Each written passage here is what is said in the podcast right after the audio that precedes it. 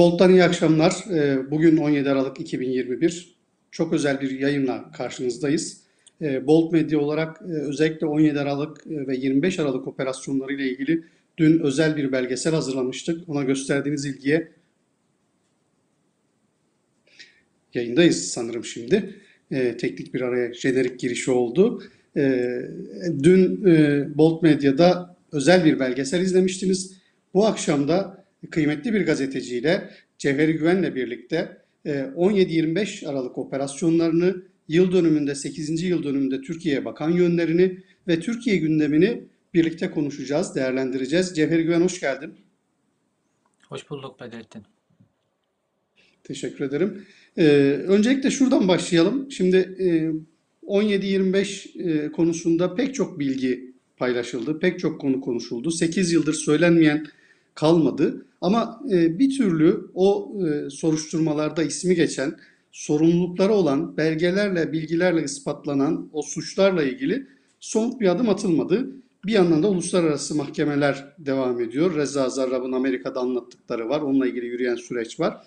Tüm bunları konuşacağız ama bunun öncesinde e, Türkiye'de özellikle 17-25 Aralık'la ilgili fotoğrafa baktığımızda en temel problem en çok konuşulması, üzerinde durulması gereken nokta herhalde bugünkü ekonomik krizle ilişki ilişkili olan tarafıdır. Bugün Türkiye doların 17 lirayı zorladığı e, ve ekonomik olarak da büyük bir çöküş yaşadığı zaman diliminin içinde.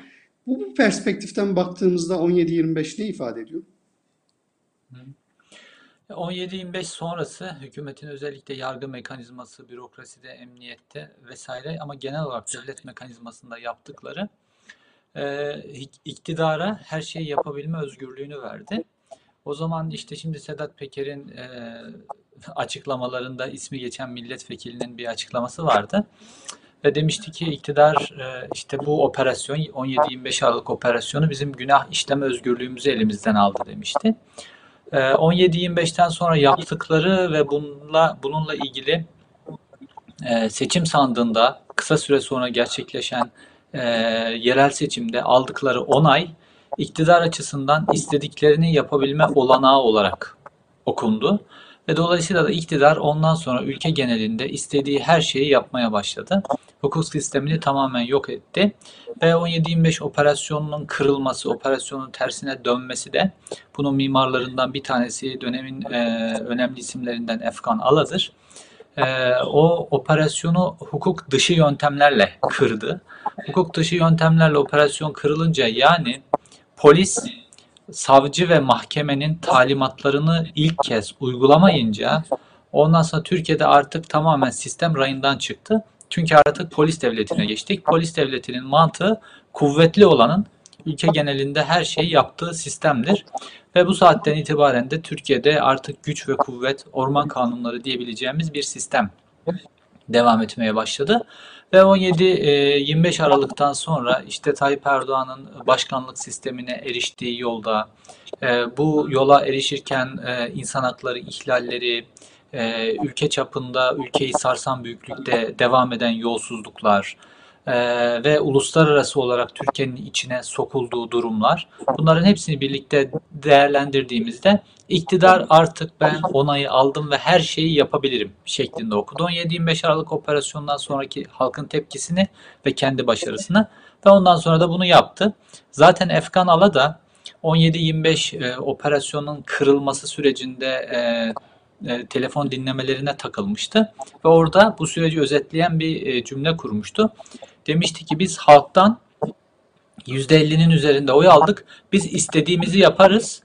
E, suç olan şeyi suç olmaktan çıkarırız demişti. Bu iktidarın genel okuması, iktidarın hani o demokrasi anlayışı, sandıktan anladığı şey bu.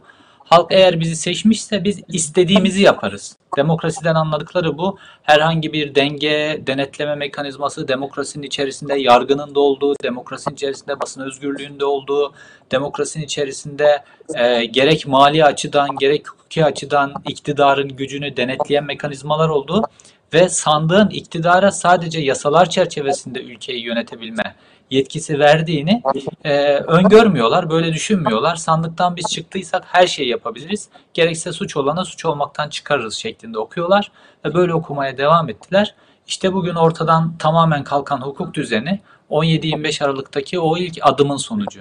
Yani polis mahkeme kararını uygulamadığı andan itibaren Türkiye'de her şey rayından çıktı. Ülkede hukuk patladı adeta. Dolayısıyla hukuk devleti olmaktan çıktı.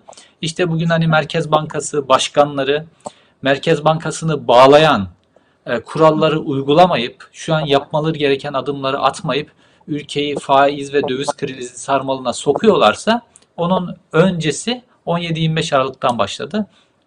Çünkü o gün polis kendisini bağlayan yasaları uygulamadı, iktidarın emrini uyguladı. Şimdi de Merkez Bankası Başkanı kendisini bağlayan yasaları değil, iktidarın emrini, kanun dışı emrini uyguluyor.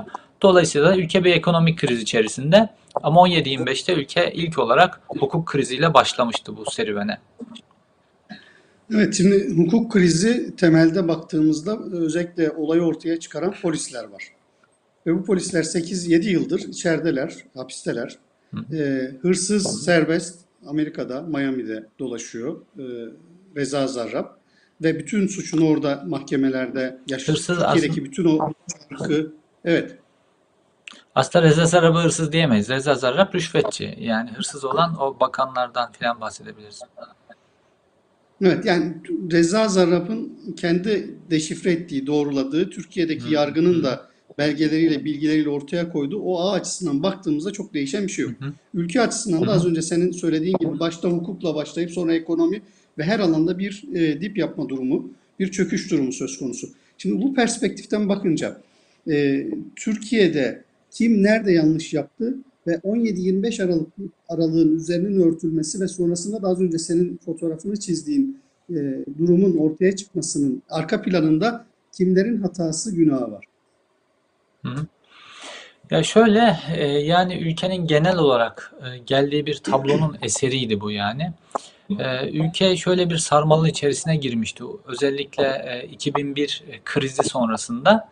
O 2001 krizi sürecinde insanlar gerçekten çok acı çektiler. Bugün işte tekrar görmeye başladığımız halk ekmek kuyrukları ki ben o zaman daha mesleğe 99'da yeni başlamış bir gazeteciydim.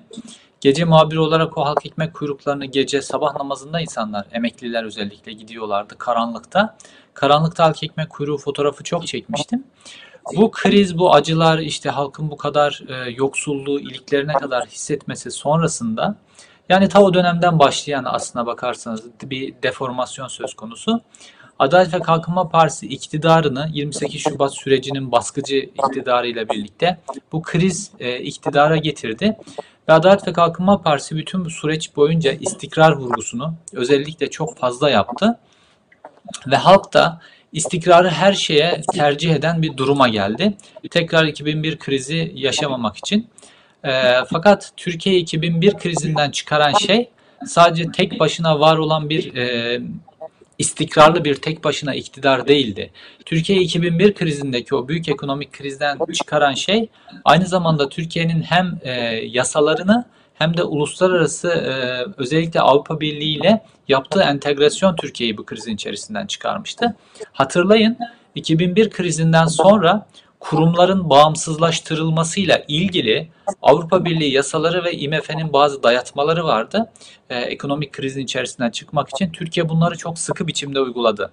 İşte bankacılık denetleme kurulu, ondan sonra rekabet kurulu, Merkez Bankası bunların hepsinin tamamen bağımsız hale gelmesi, e, iktidardan e, ve piyasa şartlarından hepsinden tamamen bağımsız hale gelmesi ve kendilerini e, e, bağlayan kanunlara uygun bir şekilde ülkenin e, menfaati açısından görevlerini yapma e, perspektifi oturdu o dönemde ve bu bağımsız kurumların aynı zamanda faaliyetleri, onların e, performansları Türkiye'yi ekonomik krizden çıkaran bir faktördü.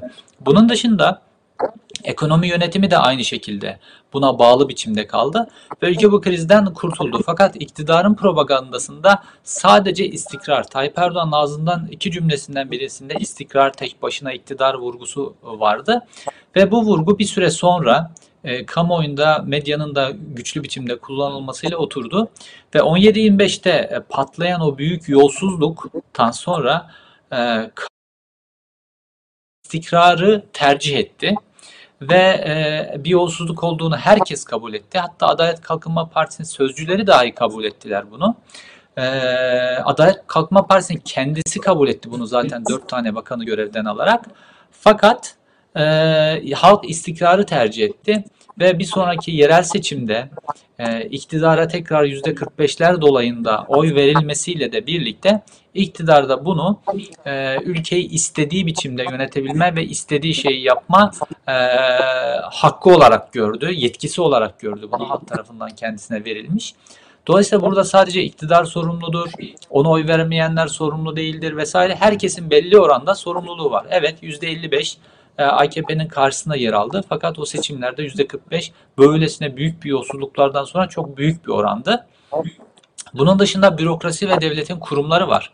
Mesela Cumhurbaşkanlığı ki o dönem Abdullah Gül Cumhurbaşkanıydı ve Cumhurbaşkanlığı bağlayan yasalar var. Cumhurbaşkanlığı yaptığı bir yemin var. Anayasa üzerine yaptığı bir yemin var ve Cumhurbaşkanı e, iktidarın ülkenin hukuksal altyapısını darmadağın etmesine onay verdi.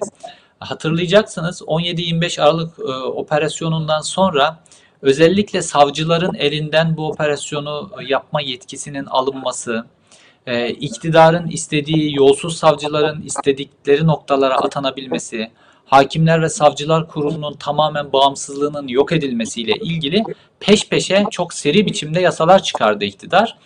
Ve Abdullah Gül bu yasaları normal şartlarda çok uzun hemen hemen bütün süreleri kullanırken yasaları e, onaylamakla ilgili bu yasaları hemen onayladı. İktidarın istediği bir şekilde oyun kurmasına müsaade etti ve iktidar da bu HSYK yasalarını çıkartarak yargıyı darma duman etti. Bütün o savcılar görevden alındı, HSYK'nın bağımsızlığı yok edildi. İktidar özellikle İstanbul Adliyesi'ne geçmişinde yolsuzluk, rüşvet gibi meselelerden soruşturmalar geçirmiş ve şu an meslekten atılmakla ilgili, o an meslekten atılmakla ilgili soruşturmalar geçiren savcıları getirdi. Yani kendisini bu yolsuzluk soruşturmasından kurtaracak yolsuz savcılar ve hakimlerden oluşan bir İstanbul Adliyesi kurdu.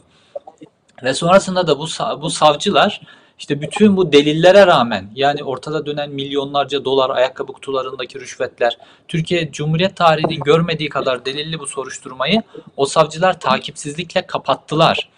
Dolayısıyla buraya baktığımızda Cumhurbaşkanlığı kurumunun da bu konuda büyük bir suçu var. Çünkü Abdullah Gül bu suça ortak oldu.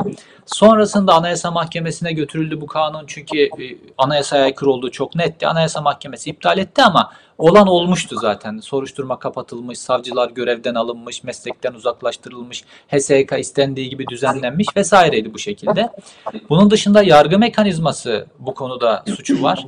Çünkü bütün bu İstanbul Adliyesi böyle darmadağın edilirken ve polis mahkeme kararını uygulamayacak kadar cüretli bir noktaya giderken hakimler, savcılar, ülkenin genelindeki hakimler, savcılar buna tepki göstermediler. Ama baktığımızda dünyada farklı örnekler var. Ee, iktidarın bu derece e, yargıya müdahalesinde protesto, hakimlerin, savcıların protesto ve toplu tepki göstermeleri çünkü hukukun üstünlüğünü korumak zorundalar. Fakat e, hakim savcı sınıfı da bu tepkiyi ortaya koymadı. E, hakim ve savcıların üst e, merci olarak niteleyebileceğimiz Yargıtay, Danıştay gibi kurumlardan bu açıdan hiç ses çıkmadı. Onlar da tamamen iktidarın gücüne teslim oldular. Ve bu şekilde yargı mekanizmasının da bu işte bugünlere gelmemizde o günden başlayarak bir suçu var. Aynı zamanda emniyet teşkilatı Emniyet teşkilatının içerisinde gerek emekli olmuş emniyet müdürleri gerekse o an devam eden emniyet müdürleri emniyet teşkilatının bu şekilde hunharca darmadağın edilmesi, Emniyet Teşkilatı'nın çok uzun süre tecrübelerle oluşturduğu kaçakçılık organize suçlarla mücadele dairesi, narkotik dairesi, istihbarat dairesinin bütün personeline sürülmesi ve istihbarat gibi mesela kritik konumlara e, trafik şubeden polislerin atanması, ee, geçmişinde yine dediğim gibi işte rüşvet vesaire gibi konularda soruşturmalara geçirmiş polislerin İstanbul Emniyetindeki en kritik noktalara getirilmeleri gibi konularda Emniyet Teşkilatı da sessiz kaldı. Emniyetin bu şekilde darma duman edilmesine Emniyet Teşkilatı da sessiz kaldı. Birkaç tane çok böyle sembolik emniyet müdürü istifalarını açıkladılar bu süreçte. Bunun dışında genel bir sessizlik vardı. E, medya ayağında Medya e, yolsuzluk operasyonunun ilk günlerinde e, yolsuzluk operasyonuyla öyle özellikle patlayan ve son derecede popüler olan ayakkabı kutularındaki paralar vesaire Bunlarla ilgili yayınlar yaptılar. Fakat 25 Aralık günü bu yolsuzluk operasyonunu iktidarın bu şekilde tamamen hukuk dışına çıkarak kıracağına ilişkin kanaat oluşunca medya da burada ayağını gazdan çekti ve medyada da artık bu haberler ikinci haber, üçüncü haber, dördüncü haber iç sayfalarda ve sonra da görünmez haberler haline geldi. Ve işte yerel seçimi AKP'nin birkaç ay sonra %45 e, oy alarak zaferle çıktığı akşam Ertuğrul Özkök televizyona çıktı dedi ki e, işte e, gelen kendisine yönelik soru 17-25 Aralık'a rağmen böyle bir zafer artık 17-25 Aralık'ı konuşmayalım bu konuyu aşalım biz dedi. Dolayısıyla milyarlarca dolarlık bir yolsuzluğu iktidarın seçimi kazanıp kazanmaması, çok oy alıp almaması önemli değil. Medyanın doğruları takip etmesi lazımdı. Fakat Ertuğrul Özkök'ün özetlediği şekilde medyanın genelinde de bu işi görmezden gelme hadisesi vardı. Dediğim gibi halktan medyaya, yargıdan polise, Cumhurbaşkanlığı makamına kadar herkes bu yolsuzluk operasyonunda üzerine düşen e, görevi yapmamakla bir ortaklık kurmuş oldular ve bu ortaklığın neticesinde de şu an ülkedeki hiçbir kurum üzerine düşeni e, yapmama pozisyonuna geldi. Genelkurmay iktidarın emiri doğrultusunda hiç ülkenin menfaatine olmayacak coğrafyalara asker göndererek Türk askerlerinin şehit olmasına neden oluyor. E, mü- e, Merkez Bankası ülkenin 128 milyar dolar rezervinin e, sırf iktidarın siyasi amaçlarına e, hizmet etmesi için eritilmesine göz yumuyor. Dolayısıyla ülkedeki bütün teşkilatlar tek tek teslim oldular. Sıra hepsine geldi. Evet şimdi suç var, e, suçlu var, e, suçluyu yakalayan polis var. Ama bu suçluya göz yuman, bu suçluyu koruyan neredeyse ülkede geniş geniş kitleler var. Önce bürokratlar, sonra yargı, sonra iktidarın e, toplumun sos- sosyolojisini yönetmesi var. Peki yani göz göre göre bu suça e, bürokratların, e, siyasetçilerin göz yumması, bunları koruyup kollaması menfaatleri nedir? Bunu anlayabiliyorsunuz ama toplum açısından baktığınızda evet bir medya kuşatması var, bir algı yönetimi var, bir propaganda süreci var. Ama toplum bunu nasıl kabullendi, nasıl içle, içselleştirebildi? Ya dediğim gibi toplum orada. E, yani tabii muhalefet de suçlu burada. Yani e, tabii toplum sandığa gittiğinde kendi menfaatine e, düşünüyor ister istemez. Yani burada yolsuzluk olduğunu bence hani herkes kabul etmiş vaziyetteydi burada. Zaten e, AKP'liler de böyle normalde halkın arasında kullandıkları söylem o dönem genel olarak ya tamam oldu ama para ülke içerisinde kaldı gibi bir söylem kullanıyorlardı maksimum. Burada hiçbir şey yoktur, bu tamamen yalandır filan gibi bir nokta işi taşımıyorlardı. E, fakat toplum orada istikrarı tercih etti açıkçası. E, İşte ekonomi böyle işte düzenli devam etsin. Bu şekilde benim cebime dokunmasın. Evet bir hırsızlık olmuş, yolsuzluk olmuş filan ama önemli olan benim cebim, benim kesem vesaire. Bu şekilde düşünüp iktidara o hemen sonrasındaki 17-25 Aralık'tan birkaç ay sonraki seçimde e, %45 oy verdiler. E, Fakat burada muhalefet de suçlu. Muhalefetin halkın önüne bir alternatif koyabilmesi lazımdı. E, Alternatif adaylar, e, güçlü isimler, güçlü politikalar bunları koyabilmesi lazımdı. Dolayısıyla toplum iktidarın yolsuz olduğunu kabul ederken kendisini bu yolsuzluğun içerisinden çıkarabilecek ama aynı zamanda da o dönemki AKP iktidarı kadar e, ekonomiyi iyi yönetebilecek, istikrarı devam ettirebilecek bir muhalif e, parti, bir muhalif aday görmesi lazımdı toplumun. Muhalefet bunu üretemedi açıkçası. Dolayısıyla da insanlar sandığını, sandığa gittiklerinde e, yine e, alışkın oldukları istikrarı devam ettirebileceğini en güçlü ihtimal verdikleri partiyi oyladılar. E, bunda e, halkı da eleştirebilirsiniz. Tabii ki böyle halkla halka hukukluğu yapacak falan değiliz. Halkı da eleştirirsiniz. Bütün bu yolsuzluklara rağmen ellerinin sandıkta o partilere gitmemesi lazımdı. Fakat dediğim gibi insanlar e, ekonomik tercihleriyle hareket ediyorlar ve bu şekilde hareket ettiler. E, sonrasındaki dönemde hani bugün mesela iktidarın değişebilmesine e, yönelik emareler görüyorsak eğer e, bunda yine insanların önüne bir tercih koyulabilmesinin etkisi var. Yani insanlar bugün bir Mansur Yavaş'ta, bir Ekrem İmamoğlu'nda mevcut iktidardan ülkeyi daha iyi yönetebilecek potansiyel görüyorlar. Çünkü muhalefet bu potansiyel adayları üretebilmeyi başardı. O günkü muhalefet bu potansiyeli üretmeyi başaramadı. 17-25'in devamındaki mesela hadiselerden bir tanesi pek çok konunun da üzerine bindikten sonra sular da biraz durulduktan sonra 7 Haziran 2015'te Adalet ve Kalkınma Partisi tek başına iktidarı kaybetti aslına bakarsanız.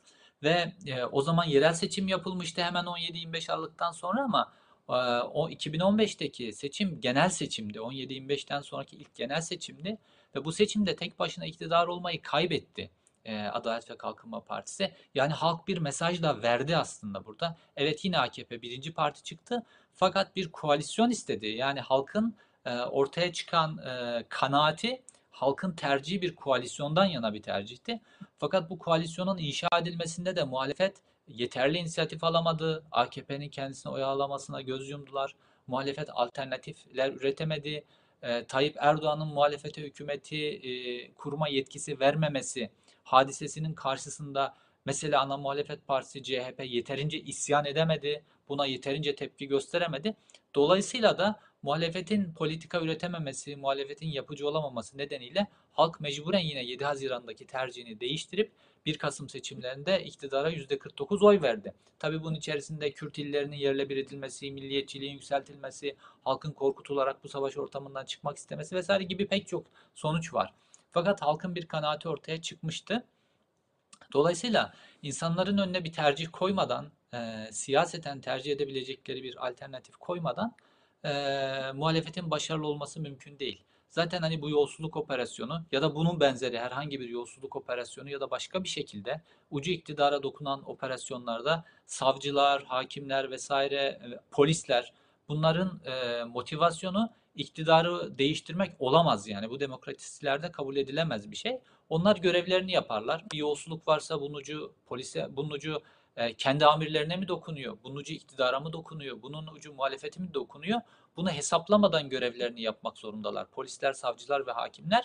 İktidarın değişip değişememesi, değişmemesi o görevin yapılıp yapılmaması ile ilgili bir konu değil. İktidarın değişip değişememesi e, muhalefetin e, halkın tercih edeceği politikalar üretip üretmemesiyle ilgili. Burada böylesine bir sıkıntı vardı. Evet, ya şimdi şöyle yolsuzluk konusunda hiç kimsenin tereddütü yok. Bir belgeye, bilgiye ya da o konunun anlatılmasına ihtiyaç duymuyorlar. Özellikle biz bu çark belgeselini hazırlarken ben bir kez daha birçok kaynaktan açıklamaları, belgeleri gözden geçirdik. Ama e, özellikle o operasyonu yöneten, o operasyonun içinde olan emniyet mensuplarının e, dosya hazırladıkları dosyalar var. Sonrasında onların e, gözaltına alınma, tutuklanma süreçleri, o arada yaptıkları açıklamalar var. Bunların hepsini bir araya getirdiğinizde bir ciddi tutarlılık görüyorsunuz ve o emniyet mensupları dosyaları çok iyi çalışmışlar ve e, hem e, hukuk çerçevesinde hem yönetmelik çerçevesinde üzerlerine düşenleri yap, tam, tam anlamıyla yapmışlar. Burada bir sıkıntı yok. Birazdan özellikle bu polisleri 17-25 Aralık polislerini seninle konuşmak istiyorum. Çünkü sen onlarla cezaevinde bir dönem birlikte kaldın. Ve az önce anlattığın o Türkiye'de 2015 sonrası başlayan süreçte e, senin de başına çok ağır e, hadiseler geldi ve e, cezaevinde yolunuz kesişti. O konuya girmek istiyorum, onu konuşmak istiyorum ama öncesinde biraz da böyle hani unutanlar için kısa bir hatırlatma, e, yeni başlayan ve bilmeyenler için de bir özet olması adına. E, bu soruşturma dosyaları ne içeriyordu? E, biraz kaynağına giderek yani hangi tarihten itibaren böyle bir kırılma yaşandı? Yani çünkü Erdoğan'a az önce sen de çerçevesini çizdiğin şekilde baktığında e, yolsuzlukla mücadele ülke ekonomisinin e, belli bir standarda oturması, kurumların denetlenebilir ve şeffaf olması adına yapılan çalışmalar var ama bir noktadan sonra bakıyorsunuz ki her şey değişmiş. O her şeyin değiştiği nokta ne? E, bunu 17 Aralık operasyonu için başlarsak, e, orada en önemli aktörlerden birisi Reza Zarrab ve onun kurduğu rüşvet ağı. O rüşvet ağının siyasete bulaşması ve sonrasındaki gelişmeler. Esas kırılma noktası Reza Zarrab'la tanışması mıdır? AKP iktidarının. Ya bu yolsuzluğun başlangıcı itibariyle mi diyorsun? Tabii ilk başlangıç noktası neresidir? Yani hangi tarihten itibaren bu çark e, dönmeye başlamıştır? Özellikle iktidar açısından. Ya tabii 17 Aralık dosyasının içerisinde hani bir 25 Aralık var bir de 17 Aralık dosyası var. 17 Aralık dosyasının içerisinde hani sadece Reza Zarrab'dan söz edemeyiz. Burada imarla ilgili meseleler de var işin içerisinde. Bunlar da çok büyük aslında. Hani Zarrab dosyasından daha büyük vurgunlar var bu imar meselesinde. Önce bir 17'yi işte Zarrab kısmını Hı-hı. konuşalım. Evet. Sonra Zarrab 25'teki konu, o esas Zarrab kısmını, dosyaya. Hı-hı. Evet yani Zarrab kısmını konuşursak e, tabii Zarrab'la ilgili yolsuzluk meselesi e, yani Türkiye ile İran'ın arasındaki ilişkiler e, özellikle kara para meselesinde derin aslına bakarsanız. Bu gerek işte Afganistan rotalı uyuşturucu meselesinde e, var işin içerisinde. Özellikle Türkiye'de hani bu derin devlet dediğimiz, bu derin devletin kullandığı aparatlar var ya çeşitli çeteler. Bu çetelerin finansmanında bu İran'la çeşitli temaslar var. Ve bu temaslarda da işte özellikle bu eroin rotası, buna yol verilmesi devlet içerisindeki bazı gruplardan vesaire. Buradan e, ortaya çıkan finansmanla da bu derin devletin operasyon aparatı olarak kullandığı çetelerin geçmişten beri e, finanse edilmesinde kullanılıyordu. Dolayısıyla İran rejimiyle Türkiye'deki işte demokrasiyi yerle bir eden e, bu derin devlet dediğimiz yapının dirsek teması hep vardı. Hep bir kara para dönüyordu bu iki ülke arasında. Fakat e, Rıza Zarrabların devreye girmesi hadisesi Amerika Birleşik Devletleri'nin e, İran'a yönelik bu nükleerle ilgili ambargo koymasıyla birlikte oldu. Ve İran e, ambargo koyduktan sonra Amerika Birleşik Devletleri bu ambargoyu delebilmek için çeşitli figürler ortaya çıkartıyor. İran rejimi icat ediyor. Bu figürler işte Babak Zencani mesela bu figürlerden bir tanesi. Rıza Zarrab da Türkiye ayağındaki bu figürlerden bir tanesi. Böyle başka figürler de var. Zarrab'ın babası da mesela bunlardan bir tanesi. E, dolayısıyla bu çıkıyor ve e, iktidarlar ne yaparlar? İktidarlar kendilerini bağlayanlar ya da bir belediye başkanı ya da herhangi bir memur kendisini bağlayan bir yasa vardır. Bu yasayı rüşvet karşılığında deler iktidar. Yani rüşvet bunun için ver, verilir bir memura, bir kamu görevlisine. Seni bağlayan yasayı benim lehime del diye memura rüşvet verilir. 17-25 Aralık 17 Aralık dosyasında Rıza Zarrab'la ilgili mesele de bu. Şimdi Amerika Birleşik Devletleri bu ambargo kararını alıyor ve Amerika şunu diyor. Diyor ki e, dolar benim param diyor. E, ve dünyadaki bankacılık sistemi de işte bu Mastercard, e, Visa vesaire, elektron dediğimiz bütün bu sistemler bunlar da benim kontrolümde. Yani benim bankacılık sistemim var diyor.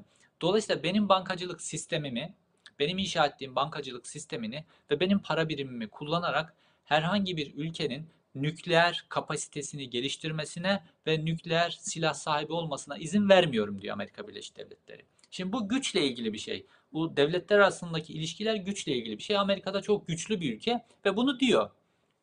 Sonuçta dünyadaki Birleşmiş Milletler'deki Birleşmiş Milletler'den de bu bir karara dönüşüyor ve dünyadaki ülkeler bu kararı kabul ediyorlar. E, kabul etmeyen var ama genel olarak Batı ülkeler ve Batılı ülkelerle ittifak eden ülkelerin hepsi Türkiye'nin içinde bulunduğu şekilde bu ambargo kararını kabul ediyorlar. Yani diyorlar ki İran'ın nükleer kapasitesinin arttırılmasında biz de aracı olmayacağız, buna destek vermeyeceğiz diyorlar. Fakat Türkiye gibi bazı ülkeler var. Ee, işte bazı Avrupa ülkeleri de var, Fransa gibi. Bunlar diyorlar ki tamam İran'a ambargo uygulayalım ama bizim biz İran'a enerji açısından, petrol ve doğalgaz açısından çok bağlıyız. Bunu böyle kısa sürede başka tedarik yöntemleriyle tedarik etmemiz mümkün değil. Dolayısıyla biz bu petrolü ve doğalgazı İran'dan almak zorundayız diyorlar. Sonra devletler arası görüşmeler gerçekleşiyor ve bu ambargo mekanizmasının içerisine şöyle bir e, parantez açılıyor. Deniyor ki e, İran'dan petrol ve doğalgaz alan ülkeler kendi ülkelerinin içerisinde kendi bir yerli milli bankalarını, kendilerine ait bir bankayı muhabir banka olarak belirlesinler. Bu bankaya İran devleti adına bir hesap açsınlar. Ve İran'dan aldıkları bütün petrol ve doğalgazın parasını İran'a doğrudan dolar olarak ya da dolara çevrilecek şekilde altın vesaire gibi şekilde menkul kıymetlerde değil, bu parayı dolar ve doğalgazın karşılığı petrol ve doğalgazın karşılığındaki parayı bu muhabir bankanıza, kendi ülkenizdeki bankanın içerisine koyun. Bu para İran'ın parası. İran bu parayı kullanabilir ama doğrudan nakit olarak değil. İran bu parayla sizin ülkenizde ne ihtiyacı varsa nükleer malzemeler vesaire tedik, tedarik konusu hariç ne ihtiyacı varsa bu malzemeleri alsın bu malzemeleri gönderin bu paraya ve gönderdiğiniz malzeme Yani kadar da cana İran'ın minnet parasından yani Türkiye'ye piyango vurmuş oluyor böyle. Evet. Evet bu esnaf piyango açısından, bakarsanız iş adamları açısından baktığında ülke piyango. Evet ve bütün ülkeler bunu sevinçle kabul ediyorlar aslına bakarsanız ve Türkiye de kabul ediyor ve Türkiye devletinin yetkilileri bunu imzalıyorlar. İmzalayınca artık resmi hale geliyor ve Türkiye'de Halkbank'ta bir tane Halkbank'ı muhabir banka belirliyor. Halkbank'ta İran devleti adına bir hesap açılıyor ve Türkiye İran'dan aldığı milyarlarca dolarlık doğalgaz ve petrolün karşılığındaki bütün parayı bu bu hesapta bloke etmeye başlıyor. Ve İran bu hesaptan gıda alabiliyor, ilaç alabiliyor, otomotiv parçaları alabiliyor, e, tekstil malzemeleri alabiliyor. Yani nükleere hizmet edecek konuların dışındaki her şeyi bu hesaptaki parasını kullanarak Türkiye'den tedarik ediyor ve Türkiye'de bunu ihraç ediyor. Fransa da bunu yapıyor, diğer ülkeler de bunu yapıyorlar. Fakat İran'ın e, kurduğu mekanizmada işte Rıza Zarrablar bu noktada devreye giriyorlar. Bebek Zencaniler bu noktada devreye giriyorlar.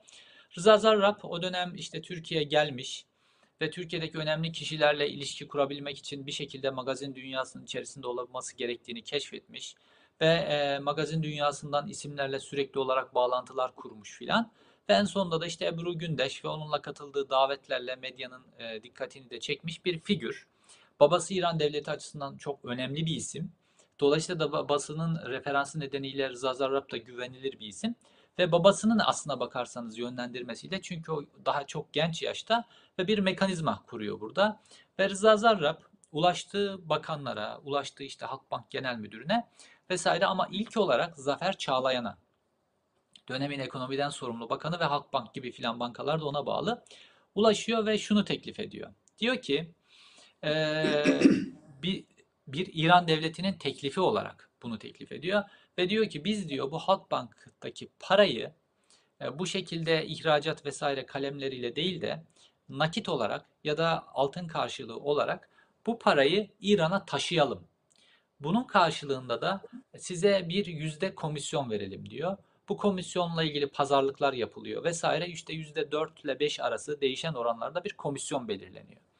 Ve Rıza Zarrab bu parayı taşıma karşılığında bu komisyonu e, işte içinde Tayyip Erdoğan'ın da bulunduğu beyefendi olarak Zafer Çağlayan'ın olduğu vesaire bazı bakanlara da başka işler yaptırıyor Muammer Güler vesaire. Bu şekilde bu komisyonu ödeyerek bu parayı karmaşık yöntemlerle e, mesela hayali ihracat gösterilerek mesela mal satılmış gibi gözüküyor ama böyle bir mal satılmamış aslında her şey kağıt üzerinde. Bu malın karşılığında para Halk Bankası'ndan çekiliyor ama Rıza Zarrab'a teslim ediliyor ve bu para İran'a götürülüyor. İşte Dubai üzerinden altın ticareti vesaire karma karışık bir sistem kuruluyor. Bu şekilde e, bu para Türkiye dışarına çıkarılıyor. Türkiye dışına çıkarıldıktan sonra da işte İran'a götürülüyor. Bazen altın olarak, bazen nakit olarak. Rıza Zarrab zaten bu karma karışık sistemi Amerika'da yargılanırken mahkeme de anlamamıştı. Rıza Zarrab'a beyaz bir tahta getirilmişti. Rıza Zarrab üzerinde çize çize nasıl parayı karma karışık yöntemlerle çıkardığını anlatmışlardı. Şimdi, şimdi burada eee, hükümetler, devletler, mesela Türkiye Cumhuriyeti şunu diyebilir. Bir devlet kararı olarak hükümet görüş bildirir, Genelkurmay görüş bildirir, Dışişleri görüş bildirir, MİT görüş bildirir ve hükümet Türkiye diyebilir ki ben Amerika Birleşik Devletleri'nin ambargosunu tanımıyorum. Dolayısıyla da ben İran'la ilişkilerimi devam ettireceğim der. Bunun bazı faturaları olur Türkiye vesaire ama devlet kararı olarak böyle bir karar meşru biçimde devlet mekanizmalarının içerisinden çıkabilir. Fakat burada böyle olmamış. Meşru karar, devlet mekanizmaları içerisinden çıkan meşru karar bu ambargoyu tanımak ve Türkiye buraya resmi olarak imza atmış. İşte bu imzayı attıktan sonra Tayyip Erdoğan'ın o meşhur kucağa oturtma lafı var ya.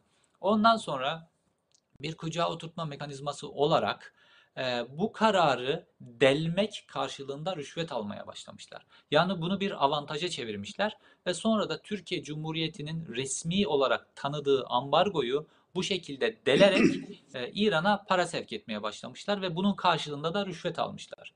Bu rüşvet de yetmemiş kendilerine. Bu rüşvet de kendilerine yetmemiş.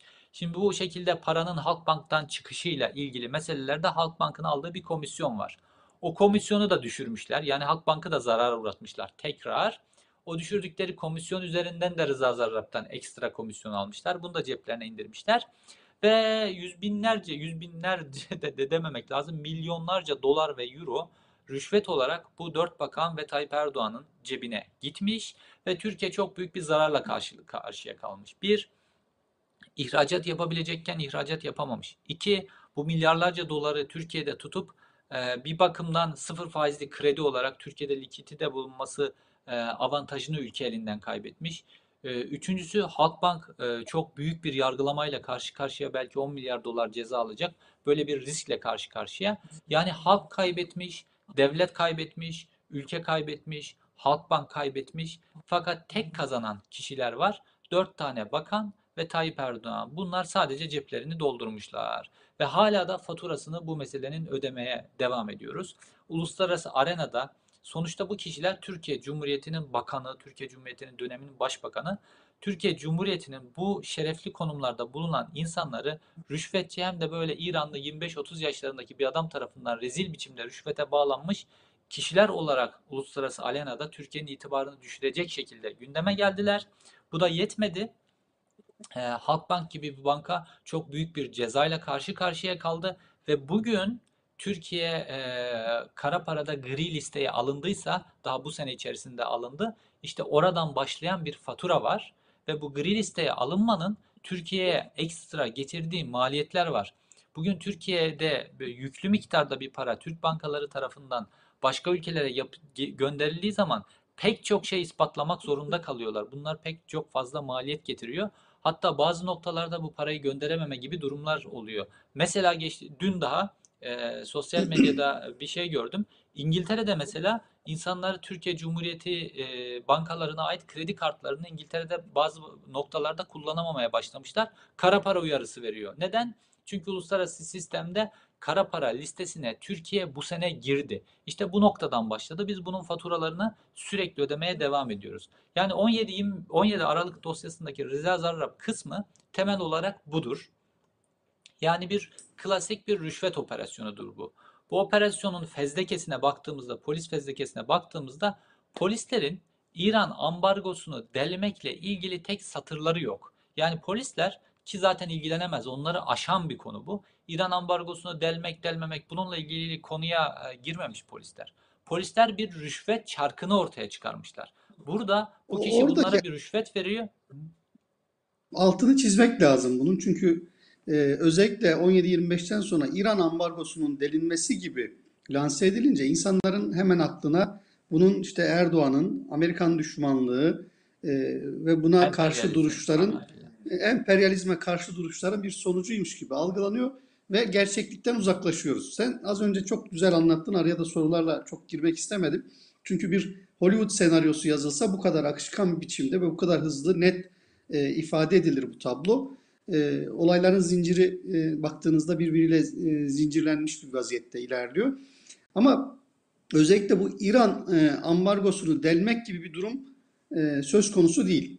Yani daha doğrusu onu net açmak lazım. Biraz daha sen e, net ifade edersen polislerin İran ambargosu ile ilgili Evet. takipleri söz konusu değil. Ama İran'ın e, oradaki bazı çeteler ve Türkiye'de buna e, ortak olan e, bazı siyasetçilerle beraber e, yaşadığı bir yolsuzluk süreci var. Burayı biraz vurgulamakta fayda var sanki. Yani şöyle bütün en basitinden en büyüğe yani bu kadar büyük bir operasyon da olabilir. Küçücük bir e, ilçedeki bir operasyon da olabilir fark etmez. E, bir yerde rüşvet varsa halk ülke zarar ediyordur. Bu nedenle rüşvetle ilgili yasalar var Türkiye'de de ve bütün ülkelerde. Burada da böyle bir durum var. Rüşvet varsa bu işin içerisinde halk zarar ediyordur. İran ambargosunu delmek delmekle ilgili bir şey değil. Az önce bahsettiğim kalemlerin hepsinde halk ve devlet zarar etti.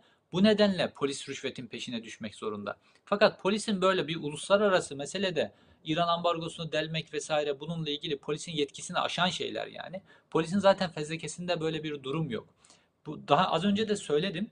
Türkiye devlet olarak e, böyle bir karar alabilirdi ve ben İran ambargosunu tanımıyorum diyebilirdi Türkiye.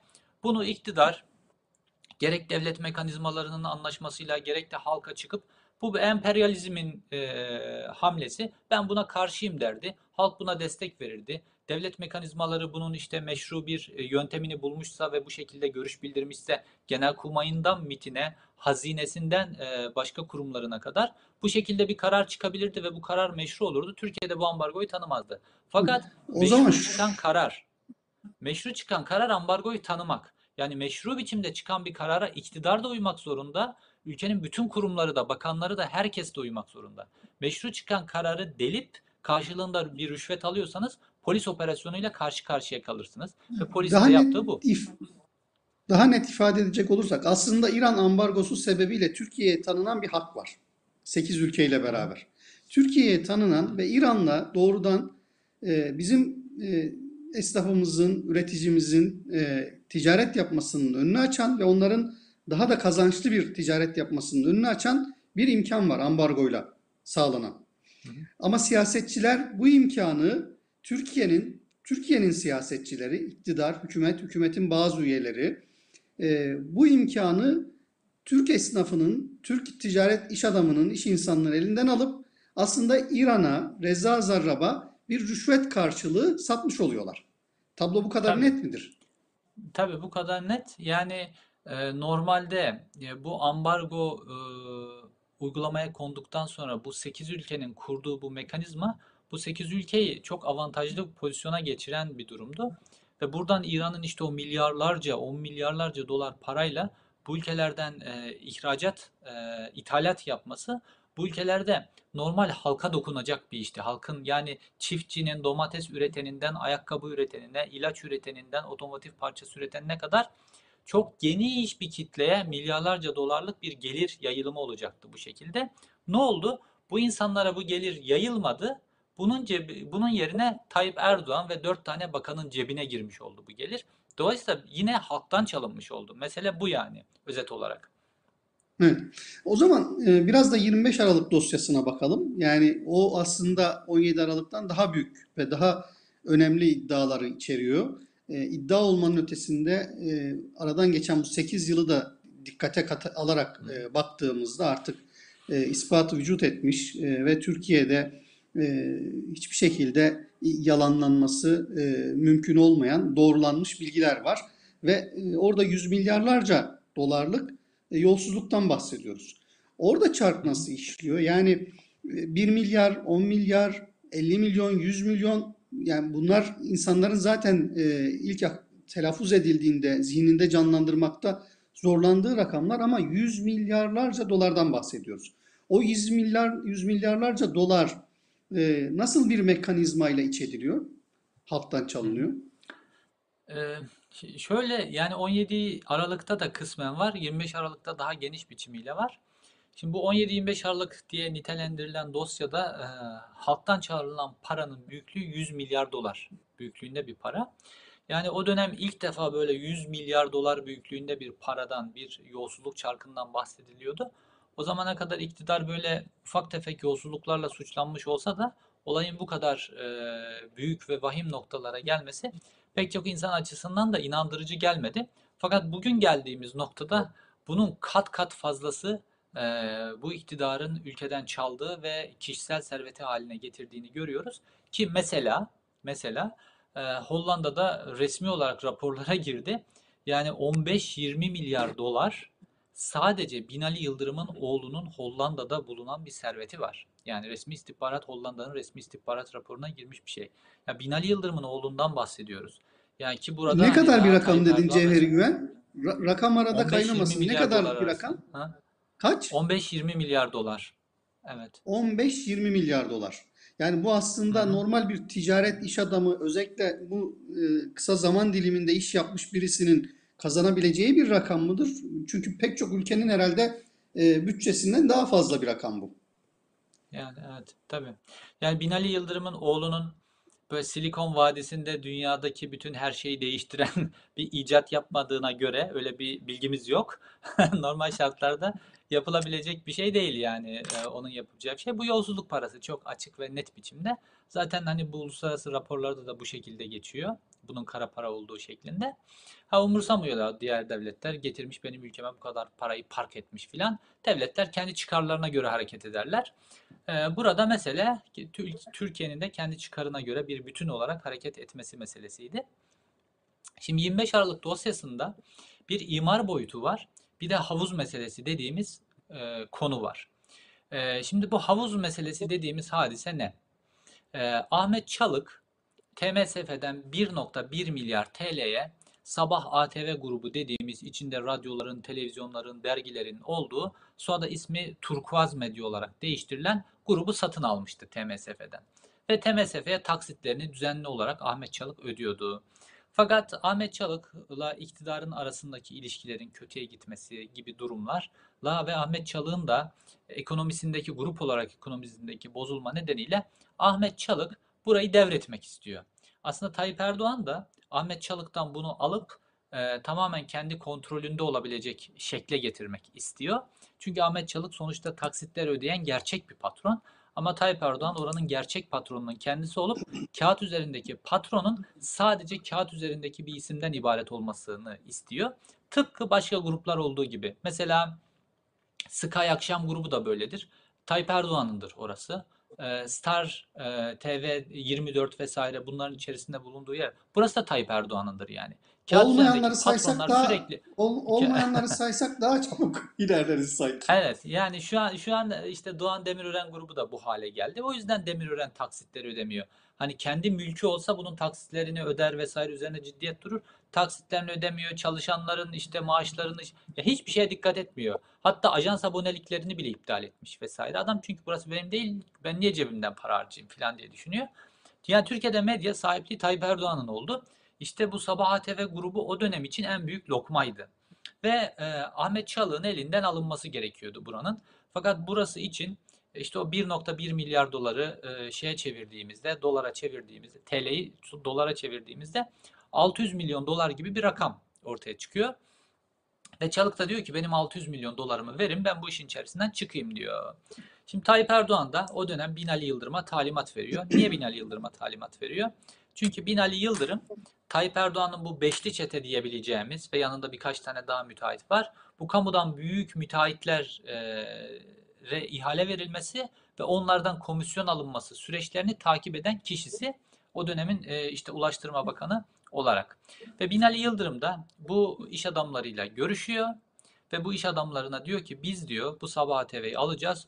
Bu diyor bir devlet görevi diyor. Zaten bu AKP kendisini devletle bütünleştirdi. Kendi e, lehlerine olan her şeyi de devlet görevi filan, vatan görevi, din iman görevi noktasına kadar götürüyorlar her şeyi zaten. E, dolayısıyla diyor ki biz diyor bir tane havuz oluşturacağız. Bu havuzun içerisine işte bir e, iş adamına diyorlar ki sen 100 milyon dolar koyacaksın. Diğerine sen 100 milyon dolar, sen 50 milyon dolar, işte 20 milyon dolar olan, 30 milyon dolar olan var, 15 milyon dolar olan var. Hatta birisine mesela zannedersem 10 milyon dolar gibi bir şey e, hisse çizilmiş. O adam gelecekteki kamu ihalelerinden daha çok pay alabilmek için diyor ki ben 10 vermeyeyim de diyor 30 milyon dolar vereyim diyor. Kendi payını arttırıyor. Çünkü bu havuza bu paraları koymanın karşılığında bunlara deniyor ki siz bu paraları koyun bu havuza biz size ileride büyük ihaleler vereceğiz. Ne vereceğiz? Üçüncü havalimanını size vereceğiz. Üçüncü köprüyü size vereceğiz. İşte şuranın otoyolunu size vereceğiz vesaire böyle Ki verdiler pazarlıklar yapılıyor.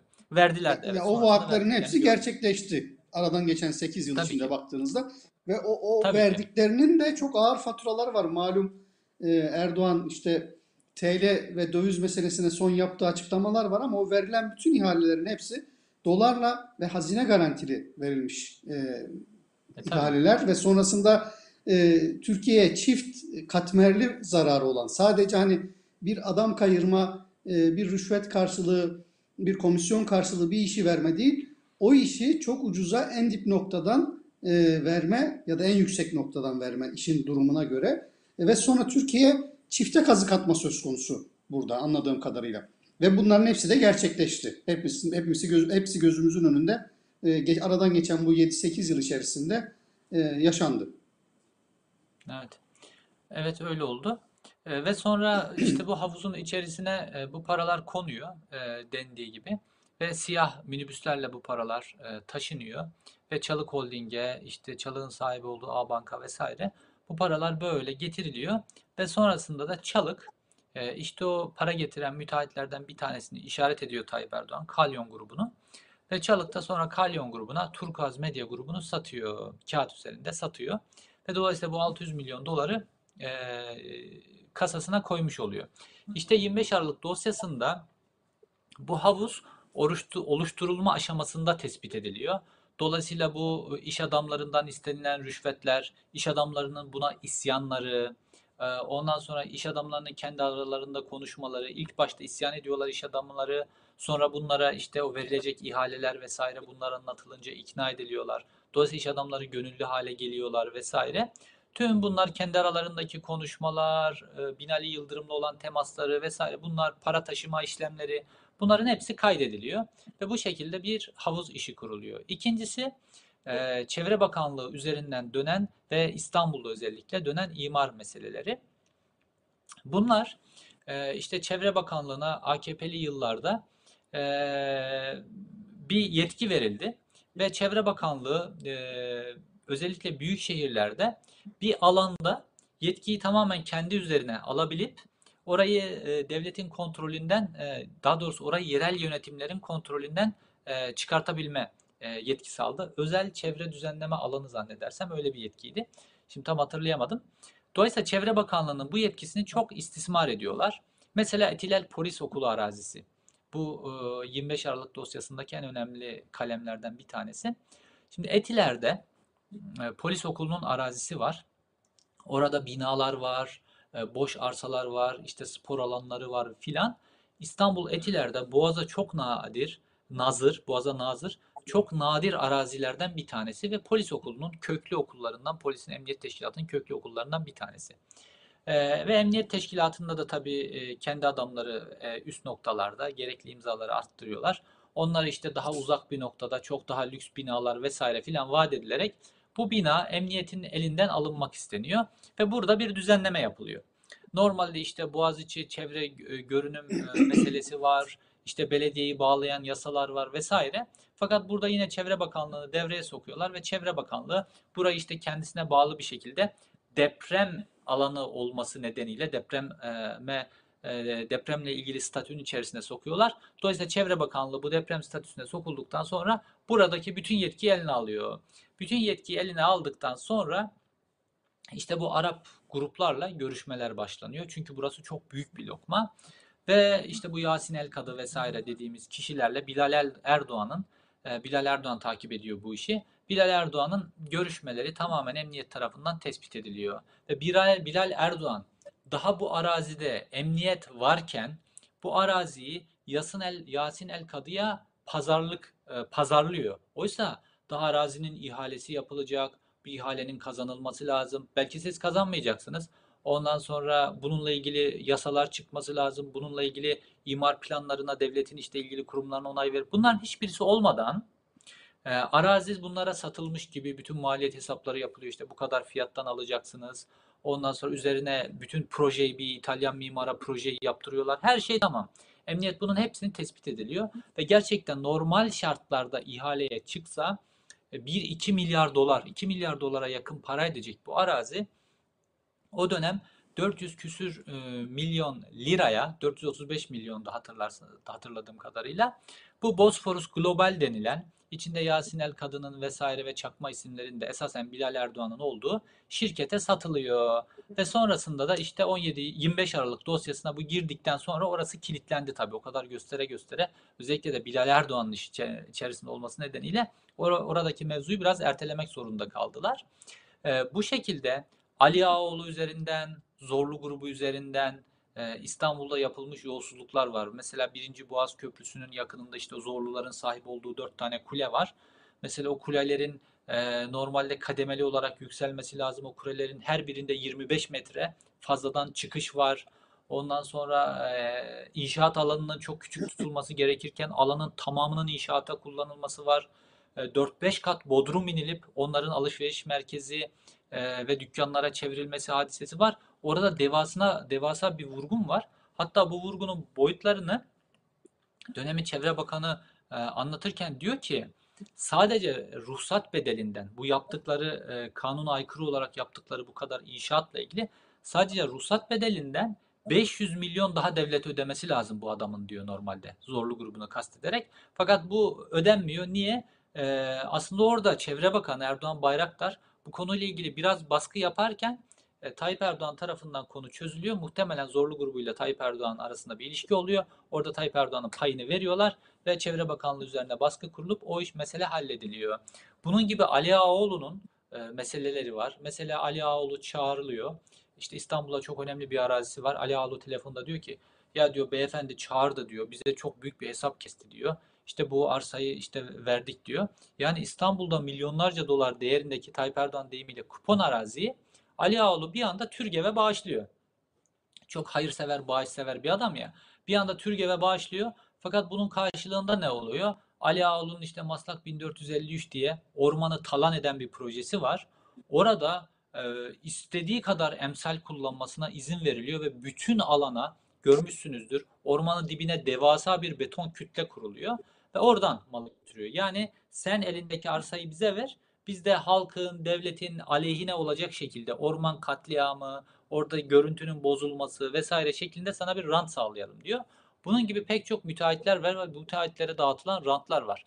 İşte bunların hep harfiyat meselesi var mesela. Harfiyat meselesinde çok büyük bir vurgun var. Bunların hepsi bir araya geldiğinde bu imar vurgunuyla bu havuz meselesi bir araya geldiğinde e, ve e, Rıza Zarrab kısmı 17 Aralık'ta kısmı da bir araya geldiğinde 100 milyar dolarlık bir yolsuzluktan bahsediyoruz.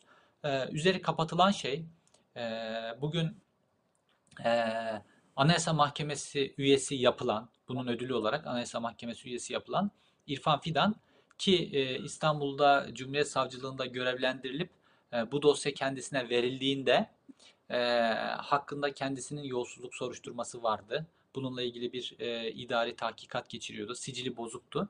Bu sicilini de sıfırladılar. Çünkü HSYK'nın yapısı dağıtılırken e, verilen sözlerden bir tanesi de sicil temizleme sözüydü. Bu tip adamların sicilleri temizlendi ve İrfan Fidan da bu dosyaya takipsizlik verdi. Yani yargı konusu dahi yapılmadı dosya. Hani e, Abdullah Gül, Cumhurbaşkanı Abdullah Gül o HSYK'yı yerle bir eden yasayı onaylarken şöyle bir şey demişti. Hiçbir şeyin üzeri kapatılmaz ama işte hiçbir grubun da devlette etkin olmasına izin verilmez gibi bir şey söylemişti. Ama her şeyin üzeri kapatıldı yani. Bir yargı konusu dahi yapılmadı. Takipsizlik ne demek? Dosyanın mahkemeye bile gitmemesi demek. Savcılık aşamasında takipsizlik verdi ve bu konu hiçbir zaman yargılama meselesi olmadı. Zaten bu dört bakanla ilgili Yüce Divan konusunda da AKP grubunun dört bakanı koruyacak şekilde davrandığını görmüştük zaten. Dolayısıyla Yüce Divan faslı da olmadı. Konu bu şekilde kapatıldı ve Türkiye'nin 100 milyar doları gitti. Plus Türkiye'nin bütün hukuk altyapısı plus Türkiye'nin polis devletine dönüşü. Peki bu arada evde sıfırlanamayan paralar var bir türlü. Ve bu dosyada bir türlü kapatılamadı, bir türlü sıfırlanamadı. Çünkü az önce söylediğin gibi çok ciddi rakam, yüksek rakamlar, 100 milyar doları aşan e, bir yolsuzluk e, çarkı var ve bu paranın merkezinde de bir e, Erdoğan ve ailesi oturuyor. O perspektiften baktığında Erdoğan ve ailesi az önce bütün boyutlarıyla aktardığın iki dosyanın da içinde nasıl bir yerde duruyor? Nasıl okumak lazım? Ya Erdoğan ailesi ile ilgili Rıza Zarrab ayağında yapılabilmiş yani o günkü polis yetki, polisin takip edebildiği kadarıyla. Çünkü operasyon hani çok aslında bu tip büyük bir organize şubenin yürüttüğü bir operasyon, mali şubenin yürüttüğü bir operasyon baktığımızda çok kısa sürede başlayıp bitiyor aslında. Çok başarılı bu açıdan o polis ekibi. Çünkü organize suçlarda yani birden fazla kişinin içerisine dahil olduğu suçlarda bazen 2 sene, 3 sene, 4 sene takipler olur. Çünkü buradaki asıl mesele yani polis mantığında emniyetin e, kendi yönetmelikleriyle e, e, ilerlersek bütün organizasyonun ortaya çıkartılması meselesidir. Polis bu organizasyonu ne kadar erken ortaya çıkartırsa o kadar hızlı bu operasyonu gerçekleştirilir. Ve 11 ay gibi sürede bu operasyon tamamlanıyor. Bütün organizasyon şeması olabildiğince ortaya çıkartılıyor. Ve belki de daha devam edecekti. Fakat özellikle Rıza Zarrab'ın Muammer Güler'i bilgilendirmesi ve Muammer Güler'in de operasyonun çökertilmesiyle ilgili dönemin e, işte atadıkları yaz aylarında 2013'ün yaz aylarında istihbarat şubeye atadıkları bazı emniyet e, müdürlerini, e, bazı e, şube müdürleri ve komiserleri kullanarak yani devletin emniyetinin istihbarat teşkilatını devletin polislerinin araştırdığı bir yolsuzluk operasyonunu çökertmek için ülkenin İçişleri Bakanı kullanıyor. Bunu yolsuzluk operasyonunu takip eden polisler tespit ettiklerinde yani polisler yolsuzluk operasyonu yaparken kendi meslektaşı istihbaratçı polislerin kendilerini takip ettiklerini fark ettiklerinde bunu savcıya bildiriyorlar ve operasyon biraz erken alınıyor. Belki operasyon daha da devam edilip bütün şema çıkartılıp dolayısıyla Rıza Zarrab'la Tayyip Erdoğan'ın arasındaki bağ da tam olarak netleştirilecekti. Fakat bu şekilde biraz acele yapılmış oldu operasyon. Ee, şimdi Tayyip Erdoğan'la Rıza Zarrab arasındaki ilişki şu şekilde. Bunu daha sonra biz öğrenebildik. Ne zaman öğrenebildik? Rıza Zarrab Amerika'ya gidip Amerika'da itirafçı olduktan sonra öğrenebildik. Normalde 17 Aralık e, dosyasında polislerin takip, tespit edebildikleri şu vardı. Rıza Zarrab'ın bazı adamları ellerinde çantalarla Türgev'e gidiyorlar ve Türgev'e bu çantaları bırakıyorlar ve sonra bu çantalarla çıkıyorlar ve aynı kullandıkları mekanizma götürdükleri çanta bu dört bakana on ki onlar fotoğraflı tespit edilmişti. Dört bakana götürdükleri hani ayakkabı kutusunun içerisine milyonlarca dolar koyuyorlar falan ya. Aynı mekanizmayla dolayısıyla oradaki tespit e, Erdoğan ailesine Türgev üzerinden, Türgev'e bu şekilde yüklü bağışlar, yüklü paralar götürülerek vesaire bu şekilde ödeniyordu şeklinde. Fakat Rıza Zarrab Amerika'da bunu anlattı. Dedi ki e, Egemen Bağış bizim aramızdaki Tayyip Erdoğan'la aramızdaki rüşvet taşıyıcısıydı diyor. Şimdi normalde de baktığımızda hakikaten Rıza Zarrab mesela İçişleri Bakanı'ndan koruma almış, Zafer Çağlayan üzerinden Halkbank vesaire bu işleri halletmiş gibi. E, fakat Egemen Bağış'la meselesi neydi Rıza Zarrab'ın? Çünkü Avrupa Birliği Bakanıydı o dönem. Egemen Bağış ne işine yaramıştı Rıza Zarrab'ın? O yüzden o da böyle sürekli 800 bin dolar falan kendine rüşvetler almış falan diye baktığımızda işte bu taşıyıcılık pozisyonu ve bunu e, açık biçimde anlattı Rıza Zarrab. E, nasıl oluyormuş bu iş? Egemen Bağış e, bakan olmasına rağmen yanına korumaların e, Esenboğa Havalimanı'na geliyor. Esenboğa Havalimanı'ndan Egemen Bağış'ı TC Rıza'nın yani Rıza Zarrab'ın özel uçağı alıyor. İstanbul'a getiriyor. Egemen Bağış İstanbul'da e, yine Rıza Zarrab'ın e, adamlarının kullandığı Mercedes marka arabayla aprondan alınıyor. Rıza Zarrab'ın ofisine götürülüyor. Rıza Zarrab beyefendinin komisyonunu Egemen Bağış'a veriyor. Egemen Bağış yine aynı rotayı kullanarak tek başına Ankara'ya geliyor ve beyefendinin komisyonunu beyefendiye teslim ediyor Ankara'da ya da komisyonu Rıza Zarrab'dan aldıktan sonra İstanbul'daki e, Kısıklı'ya götürerek teslim ediyor. Bu şekilde işliyor. Dolayısıyla Rıza Zarrab'la ilgili Tayyip Erdoğan e, faslı bu şekilde. Ama e, bu imar meselesiyle ilgili e, ve havuz oluşturma meselesiyle ilgili Tayyip Erdoğan işte orada Bilal Erdoğan'ı çok fazla kullanıyor. İş adamlarından rüşvet takipçiliği yapıyor. Ve Tayyip Erdoğan işte TANAP projesinde işte o meşhur ve 10 milyon dolar rüşveti verilmeyen iş adamı için Tayyip Erdoğan diyor ya merak etme oğlum diyor kucağımıza oturacaklar diyor. Yani bu şekilde rüşvet e, takipçiliği yaptırma işinde vesaire Tayyip Erdoğan oğlunu kullanıyor. Dolayısıyla oğlu bu dosyanın içerisine çok fazla giriyor. E, bu iş adamlarından rüşvet takip etme işinde. Tayyip Erdoğan da oğlu üzerinden bu şekilde giriyor. Baktığımızda enteresan ve utanç verici biçimde bu dört tane bakan da e, rüşvet takiplerini çocuklarına yaptırmışlar. Oğullarına yaptırmışlar. Tayyip Erdoğan da bunu yaptırmış. Herhalde Tayyip Erdoğan'dan gördüler. Tayyip Erdoğan oğlu Bilal'e bütün bu rüşvet takiplerini yaptırıyor. Herhalde bu güvenli bir yol diye düşündüler. Bu bakanlar da aynı yöntemi kullandılar. Çocuklarına rüşvet takipçiliği, çocuklarına yolsuzluk vesaire çocuklarına bunları öğretmişler. Bu şekilde e, Tayyip Erdoğan bu yolsuzluk dosyasının tamamen göbeğinde. Havuz oluşturma talimatı tamam bizzat Tayyip Erdoğan tarafından verilmiş durumda. Bu e, imar vurgunları karşılığında ki bunu Erdoğan Bayraktar açıkça kabul etti. Açıkça söyledi televizyonda. Bütün bu imar değişikliklerini ben başbakanın talimatıyla yaptım diyor. E, tapelere de baktığımızda aslında Erdoğan Bayraktar bazı imar değişikliklerine direniyor da. Fakat sonradan e, bu iş adamları yukarıdan meseleyi çözüyorlar ve Erdoğan e, Bayraktar bu imar bağışlarına göz yumuyor, değişikliklerine göz yumuyor. Bu şekilde Tayyip Erdoğan bütünüyle buradaki rüşvet, yolsuzluk vesaire bunun bir numarası pozisyonda.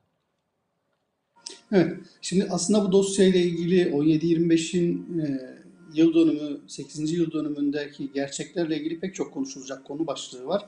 Aslında biraz da soru cevap şeklinde özellikle bizi izleyenlerden gelecek sorularla ilerleyelim istemiştik yayında ama başta da çok hatırlatmadık. Belki o da benim kabahatim. Ama şimdi hatırlatmış olalım. Gelecek birkaç soruyu yine e, sana soracağım, değerlendireceğiz. Belki başka yayınlarda yine bu soru cevap interaktif olmayı e, başarabiliriz.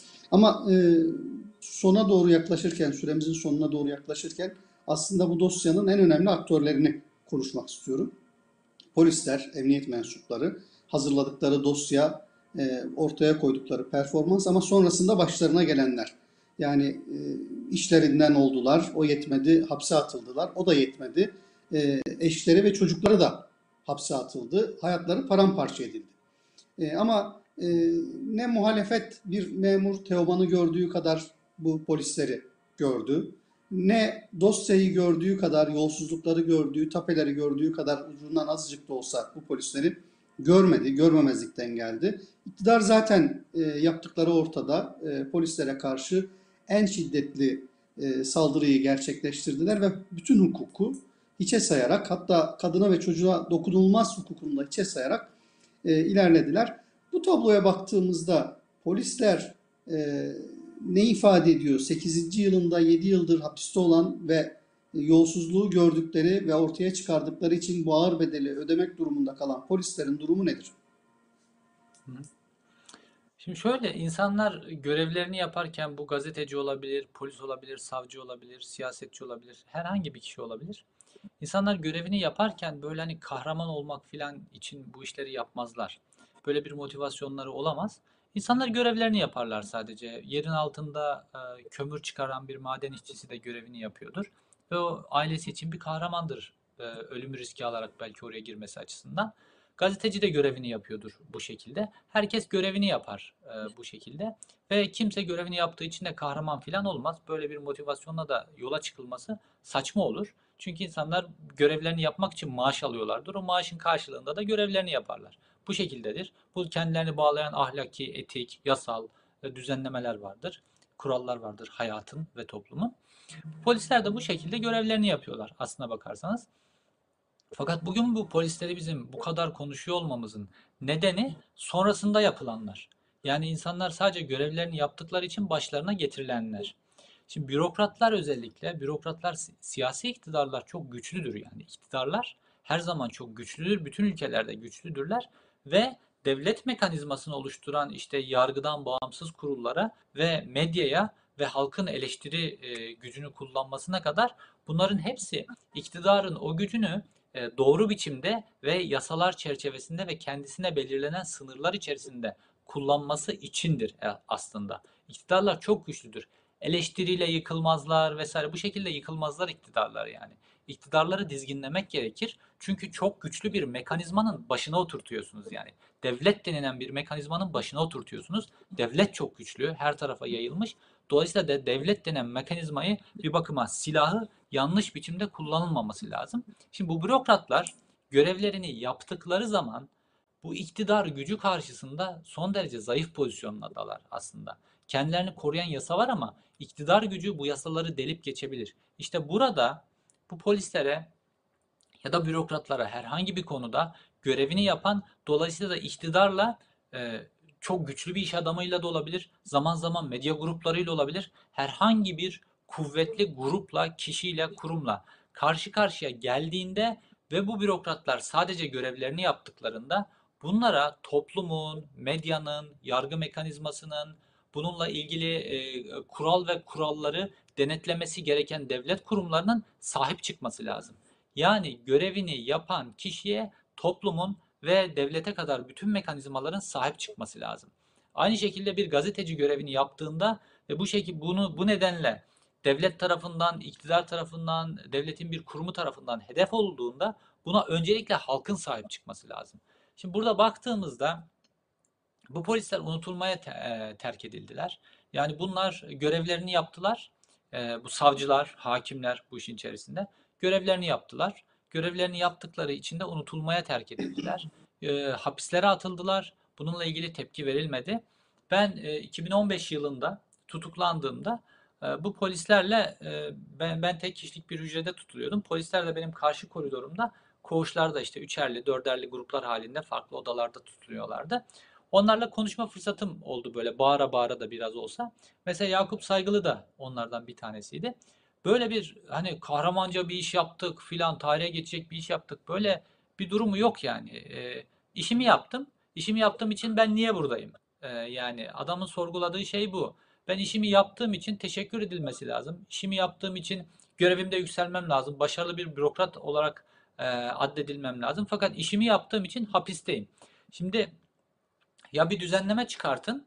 Deyin ki iktidara karşı yolsuzluk e, operasyonu yapılamaz. İktidarın yolsuzlukları takip edilemez. Muhalefetin yolsuzlukları takip edilebilir. Dolayısıyla da ben bu şekilde bu görevi yapayım. Bunun karşılığında maaşımı alayım.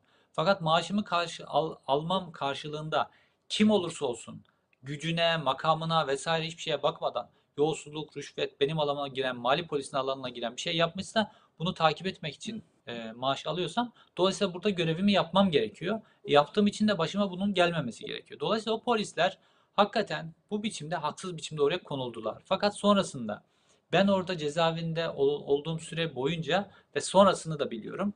Hiçbir muhalefet milletvekili gelip bu 17-25 Aralık yolsuzluk operasyonu sonrasında tutuklanan polisleri cezaevinde ziyaret etmedi. Mesela beni 3-4 defa milletvekili grupları ziyaret etti. Oradaki başka siyasi tutukluları ziyaret ediyorlardı. Fakat bunları ziyaret etmiyorlar. Bir, adeta onlara dokunan yanar gibi bir pozisyon söz konusuydu ve kimse onlara dokunmak istemiyordu. Dolayısıyla bu bütün devlet mekanizması için, bütün bürokratlar için örnek oldu. Bütün bürokratlar bundan şu dersi çıkardılar. İktidara karşı herhangi bir yolsuzluk operasyonu yaparsak ya da iktidarın canını sıkacak herhangi bir operasyon, herhangi bir dosya açarsak, herhangi bir soruşturma başlatırsak sonumuz bu polisler, bu savcılar, hakimler gibi Silivri cezaevi olur gibi. E, düşündüler, bu dersi çıkardılar. Aslında doğru da bir ders çıkartılmıştı kendileri açısından diyebiliriz. Ha, bunu yapmaları e, yasal olarak suç, e, ah- ahlaksız bir durum, etik, etiğe aykırı vesaire ama ondan sonra hiçbir yolsuzluk soruşturması yürütülmedi. E, buradan bu sonucu çıkarttıklarını görebiliyoruz. Ve bu polisler orada kendilerinin bu kadar yalnız bırakılması e, sonucunda çok uzun süre cezaevinde kalacaklarına ilişkin bir tespit yapmışlardı. Böyle bir okuma yapmışlardı. Ve açıkçası o, o zaman Yakup Saygılı da bana e, yani bütün bu sürecin sonu daha doğrusu Erdoğan iktidarının ürettiği şiddet sürecinin e, sonucunda en son cezaevinden çıkacak birisi varsa o da biz oluruz demişti. Kendisini ve mali şube polislerini kastederek. Çünkü ee, o operasyon Tayyip Erdoğan'ın ilk kez toplum önünde çok açık biçimde maskesinin düştüğü ve kralın çıplak olduğunun ortaya çıktığı bir operasyondu. Bu operasyon sonrasında hiç kimse Tayyip Erdoğan'a yolsuzluğa bulaşmamış, tertemiz bir lider diyemedi. Kendi tabanı dahil. Sadece bunu görmemezlikten geldiler. O dosyaları, o ayakkabı kutusundaki paraları vesaire bunları gören herkes burada bir yolsuzluk olduğunu kabul ediyor. Fakat o polisler yalnız ve yalnızlaştırılmış durumdalar. Hiç kimse sahip çıkmadı. Yani kimse onların eşleriyle, çocuklarıyla vesaire bunlar neler yaşıyorlar, bunlarla ilgili durumları gündeme getirmedi. Ee, bu, bu polisler 15 Temmuz'dan sonra, 15 Temmuz e, gerçekleştiğinde o polisler e, neredeyse 2 seneye yakın cezaevindelerdi. E, ve 15 Temmuz gerçekleştikten sonra bu polisler cezaevinden tekrar emniyete götürdüler. Çok baskılı sorgulardan geçirildiler, işkence diyebileceğimiz boyutta sorgulardan geçirdiler. Eşleri, kızları gözaltına alındı, tutuklandı, 6 yıl, 7 yıl cezalara çarptırıldılar. Yani bir aile boyu intikam alındı bunlardan. Fakat buna karşı toplumdan hiçbir tepki yükselmedi. Bir tepki yükselmeyince de e, hiçbir bürokrat aynı şeyi göze almıyor. Hiçbir bürokrat aynı şeyi göze almayınca da ülke soyulmaya devam ediyor. Aslında halk soyulmaya devam ediyor. Bir bakıma bu yalnız bırakılma insanların kendi kendinin soyulmasına onay vermesi gibi bir sonuç doğuruyor. Evet, e, bu tespitinle beraber şunu sorayım o zaman. E, ümidin var mı? Yani 17-25 ile beraber ortaya çıkan ama o gün üstü örtülen e, Türkiye'nin yüzleşmediği bu yolsuzluk gerçeğiyle ülke e, yüzleşip e, arınabilir ve bugün içine düştüğü e, ekonomik olarak e, dip olma, e, büyük çöküşü e, önleme adına ya da bu girdaptan çıkma adına bir şey yapabilir mi Türkiye? Türkiye ile ilgili senin ümidin nedir? Ya şöyle yapması için mücadele ediyoruz. Mücadele etmeye devam ediyoruz. Pek çok insan mücadele etmeye devam ediyor. Yani sandığa gidip oyunu rengini farklı kullanan insanların da verdiği bir mücadele. Ee, bunu haber yapanların da verdiği bir mücadele vesaire. Herkes bir mücadele ediyor kendi şeklinde. Sonucu değiştirip değiştiremeyeceğimiz önemli değil bence. Bu mücadele azmi önemli. Bu mücadele kararlılığı önemli. Yani mücadele de bir hayat biçimi sonuç itibariyle. Bu şekilde bu mücadeleye devam ediyoruz. Fakat bu Türkiye'nin bir bugünlük bir sorunu değil. Türkiye başka konularda da yüzleşme olayını hiçbir zaman yapmadığı gibi bu yolsuzluk konusunda da yüzleşme olayını yapmıyor. Yani tek yolsuz hükümet e, Adalet ve Kalkınma Partisi iktidarı değil. Mesela mavi akım, mavi akım meselesinde alınan Rusya'dan alınan komisyonlar falan vesaire bunlar çok büyük bir yolsuzluk. Fakat bununla ilgili yargı süreci de doğru düzgün işletilmedi. Ee, ona pek çok iktidar döneminde çok büyük yolsuzluklar yapıldı. Mesela Ecevit döneminde işte o ekonomik krize gittiğimiz dönemde evet Ecevit kendisi bizzat bir yolsuzluğun içerisine bulaşmadı ama e, sağ kolu diyebileceğimiz Hüsamettin Özkan gırtlağına kadar yolsuzlukların içerisinde bir adam. Onun üzerine de gidilmedi. Yani bugün baktığınızda e, işte mesela e, Adalet ve Kalkınma Partisi'nin 25 yıldır yönettiği İstanbul'da dönen yolsuzluğun haddi hesabı yok. Fakat şu anki başkan e, Ekrem İmamoğlu bu yolsuzlukları ne kadar e, rapor haline getirip emniyete başvuruyor, savcılığa gönderiyor. Savcılık yapsın yapmasın soruşturma ama göndermesi gerekiyor. Aynı şekilde Ankara'da vesaire. Yani yolsuzlukla mücadeleyi bir kültür haline Türkiye getiremedi. Mehmet Ağar e, bu derin devletle ilgili meselelerde tuğlayı çekersem duvar yıkılır e, gibi bir e, cümle kurmuştu ya. Bu yolsuzluklar meselesinde de var.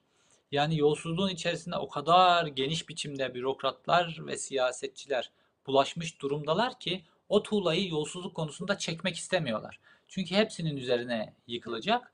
Ama e, bunun için mücadele ediyoruz ve bu girdaptan Türkiye'yi kurtarmanın tek yolu bu yüzleşmeleri yapmak. Bu yüzleşmeleri muhalefetin de kendi içinde yapması lazım. Bu tip isimleri uzaklaştırması lazım. Her kesimin kendi içerisinde yapması lazım. Bu yüzleşmeler yapılmadan bugün Erdoğan iktidarı gider. Bütün bu yolsuzlukların üzerine bir bardak su içilir. Ondan sonra diğer yolsuzlukta diğer iktidarda belki Erdoğan kadar yapmaz ama belli bir düzeyde yapar. Eğer bu iktidarla yüzleşilmez ve bu yargı önünde bunun hesabının sorulmazsa.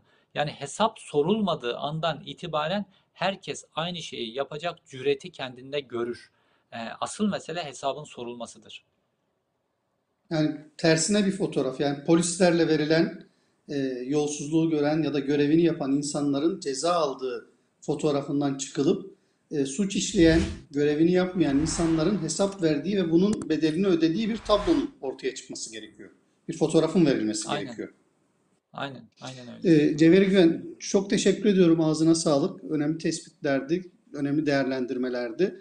E, yayınımızı sonlandırırken iki hatırlatma yapmak istiyorum. Birisi dün yayına giren Bolt Medya'da Çark belgeseli pek çok gazeteci arkadaşımızın emeğiyle ortaya çıkmış e, ve e, hem yolsuzlukla yüzleşme adına hem de Türkiye'de yaşanan bu süreçlerin gerçeğini görme adına önemli bir e, önemli bir kayıt. E, onu izlemesini seyircilerimizin e, tavsiye ediyoruz. Birazdan da yine Bolt Medya'nın Twitter mecrasında Moro'da yayını başlayacak. Fuat Karazeybek ekonomist ve hukukçu konuklarla Türkiye'yi, ekonomiyi ve son durumunu konuşacak. Twitter üzerinden de e, bu e, sohbeti takip etmelerini e, izleyenlerin, seyircilerin tavsiye ediyoruz. E, çok teşekkür ediyorum Cevheri Güven bir kez daha. İyi akşamlar diliyorum.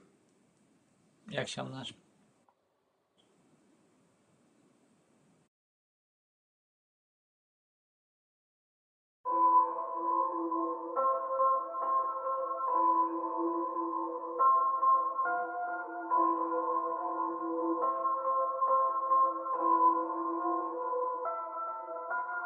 Yolsuzluk mu var, hırsızlık mı var?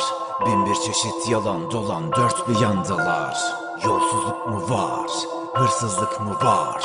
Bin bir çeşit yalan dolan dört bir yandalar. Sessiz kalma uzaktan bak. Seni bekliyor korkunç kabuslar. Bunu en dibe saklayıp atsan da Yine ortaya çıkacak muhakkak bak. Her yerde hırsız mopusla polis. Ayakkabı kutuları gözükür nefis Sesini çıkarana ödül var hapis Ve çarkları çevirir. 128 Parayı çaladı üstüne yat Fakirin cebinden döner bu çark. Bulaştı bir kere eline kan. Görmedi bu dünya böyle çalan. Olmadı olmayacak bize göre. Yapılır mecliste alavere. Rüşveti görürsen bize de ayır Ve önüne yatarım olurum köle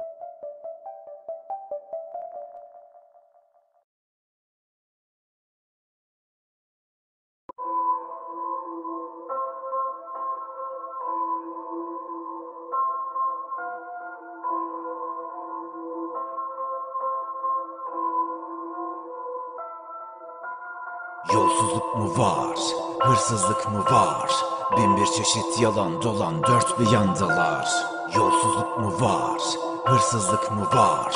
Bin bir çeşit yalan dolan dört bir yandalar. Sessiz kalma uzaktan bak. Seni bekliyor korkunç kabuslar. Bunu en dibe saklayıp atsan da Yine ortaya çıkacak muhakkak. Bak Her yerde hırsız mapusla polis. Ayakkabı kutuları gözükür nefes. Sesini çıkarana ödül var hapis Ve çarkları çevirir. 128 Parayı çal hadi üstüne yat Fakirin cebinden döner bu çark. Bulaştı bir kere eline kan. Görmedi bu dünya böyle çalan. Olmadı olmayacak bize göre. Yapılır mecliste alavere. Rüşveti görürsen bize de ayır Ve önüne yatarım olurum köle